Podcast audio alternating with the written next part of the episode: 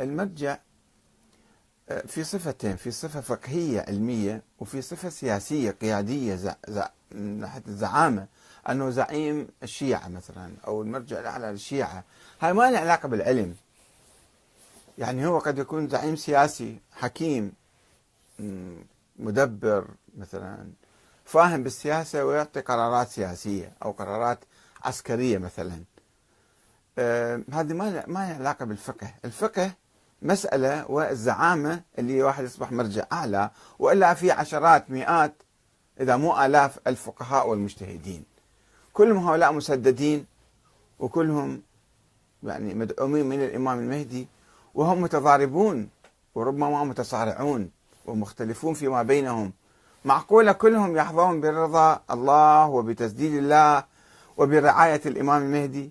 مو معقولة. إذا فبالناحية الفقهية يجب أن نعرف الخبر أهل الخبرة هم الذين قد أنت تسألهم من هو المجتهد؟ يقولون لك فلان. فلان مجتهد أو لا؟ يقول نعم نحن نعرفه هذا مجتهد. من هو الأعلم؟ على فرض وجوب تقليد الأعلم. من هو الأعلم؟ يقول لك فلان أعلم العلماء. فأنت تروح تقلده بسرعة. قد ما يكون أصلا هذا عالم. أصلا مو عالم مو مجتهد. يعني مثلا الاجتهاد في درجات. أهل الخبرة ما يسمون بأهل الخبرة قد يكون هذول لوبيات أو مافيات أو عصابات أو جماعات أو هوامش أو حواشي يدعون إلى واحد معين آه وهذا عالم هذا مجتهد مجتهد كبير. من تجي إلى تسأله سؤال ما يعرف يجاوب لا بالفقه ولا بالأصول ولا بالعقيدة ولا بالتاريخ. ويمكن يطلع لك واحد منحرف. عقيدته من عقائد الغلاة المفوضة أو المفضلية أو الخطابية أو كذا وكذا. فعقيدته مخربطة أساسا وباني على العقيدة مسائل أصولية ومسائل فقهية بعدين. كيف نعرف أنه هذا فعلا مجتهد أو ما مجتهد؟ غير نطلع على يعني الآن اتركونا من أهل الخبرة. عندنا طبقة واسعة من المثقفين في العراق والعالم الإسلامي. بإمكانهم يشوفوا أن هذا الرجال باحث محقق مدقق من يتكلم عنده علم وعنده أدلة ويتكلم بمنطق يعني. وواحد يشوفه كلمتين ثلاثة ما يعرف يتكلم. مرة واحدة هذا العالم المحقق النحرير يصبح هذا جاهل أو ليس عالما ويشككون باجتهاده.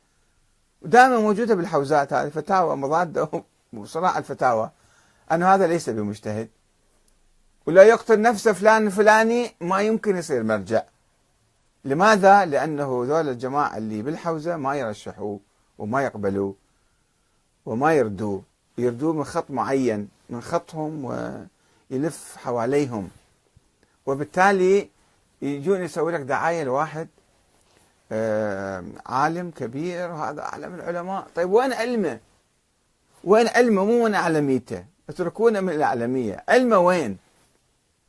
تسأله سؤال ما يجاوبك. لا بالعقيدة لا بالتاريخ لا بالدين لا بالقرآن لا بالفقه لا بالأصول.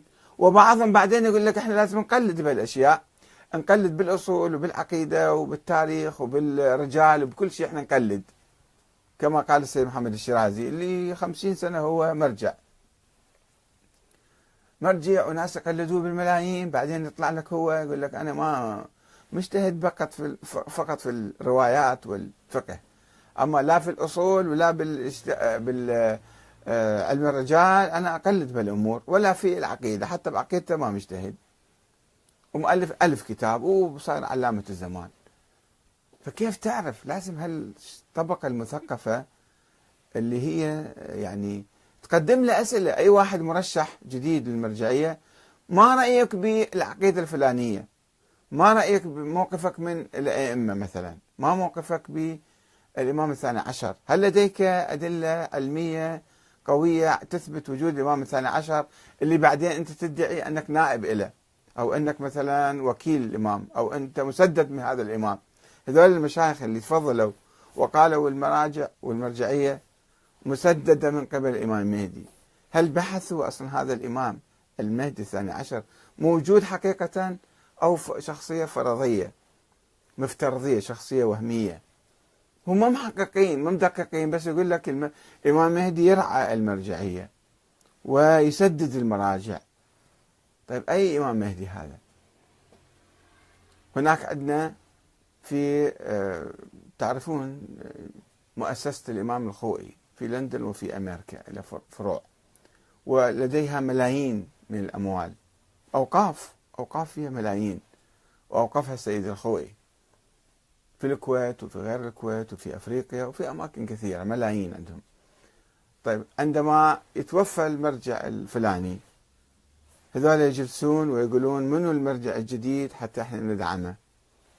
طبعا ما راح يختاروا مرجع من إيران ولا يختارون حتى لو الإمام الخميني موجود بإيران ما يختاروا.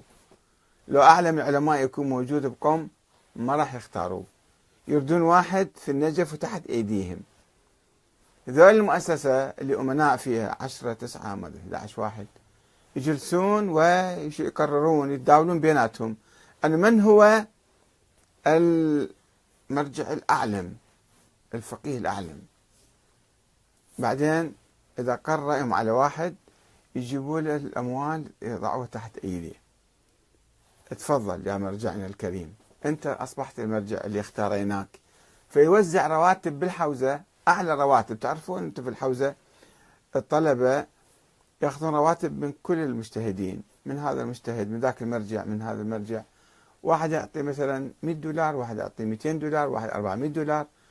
واحد يعطي مثلا معونة اقتصادية فقط فإذا وزع أعلى راتب بالحوزة 400 500 دولار مثلا كل طالب الطو رأس العلماء منين جاب هذا المرجع؟ أكيد الناس يقلدوه كثير وأكيد هذا الفلوس آه يعني دليل على علمه. الفلوس تتكلم. هذا أعلم العلماء باعتبار أنه ناس قلدوه جابوا له الفلوس. واختارته مؤسسة الخوئي فصار هو المرجع الأعلى. ويسووا له دعاية وإعلام وأتحدى أي واحد يقول له لا. أنت لا وين علمك؟ وين وين معلوماتك؟ وين كتبك؟ وين أبحاثك؟ وين دراساتك؟ وين أجوبتك؟ نسألك سؤال فقهي ما تعرف تجاوب مثلا. وتقول أنا أعلم العلماء. وهو صامت ما يتكلم طبعا. الدعاية تشتغل حواليه الحواشي يشتغلون. فالنتيجة أنه ما يمكن إحنا نعتمد على ما يسمى بأهل الخبرة لأن هؤلاء في انتماءات انتماءات في جماعة إيران وجماعة خط الخوئي وجماعة خط الشيرازي وخط الفضيلة وخط الفلاني وخط المراجع جدد طالعين. فما يقبلون ما يميزون علم وأعلم وكذا لا. هذا من خطنا من جماعتنا اي فهذا هو العالم هو المرجع قلدوه وإذا لا لو يكون اعلم العلماء أيضا ما يتبعوه. فهذه مسألة أنه أهل الخبرة اتركوهم. أهل أنتم روحوا بنفسكم اسألوا وجهوا بعض الأسئلة لأي مرشح للمرجعية في المستقبل بعد وفاة المرجع السيستاني حفظ الله. الله يطيل في عمره إن شاء الله. روحوا شوفوا شوفوا عقليته شوفوا إيش قد عقليته منفتحة وحدوي أو طائفي. في مراجع طائفيين متعصبين جدا. وفي ناس آه، ما يفهم أي شيء بالبعد السياسي بالبعد الدولي منكفئ على نفسه.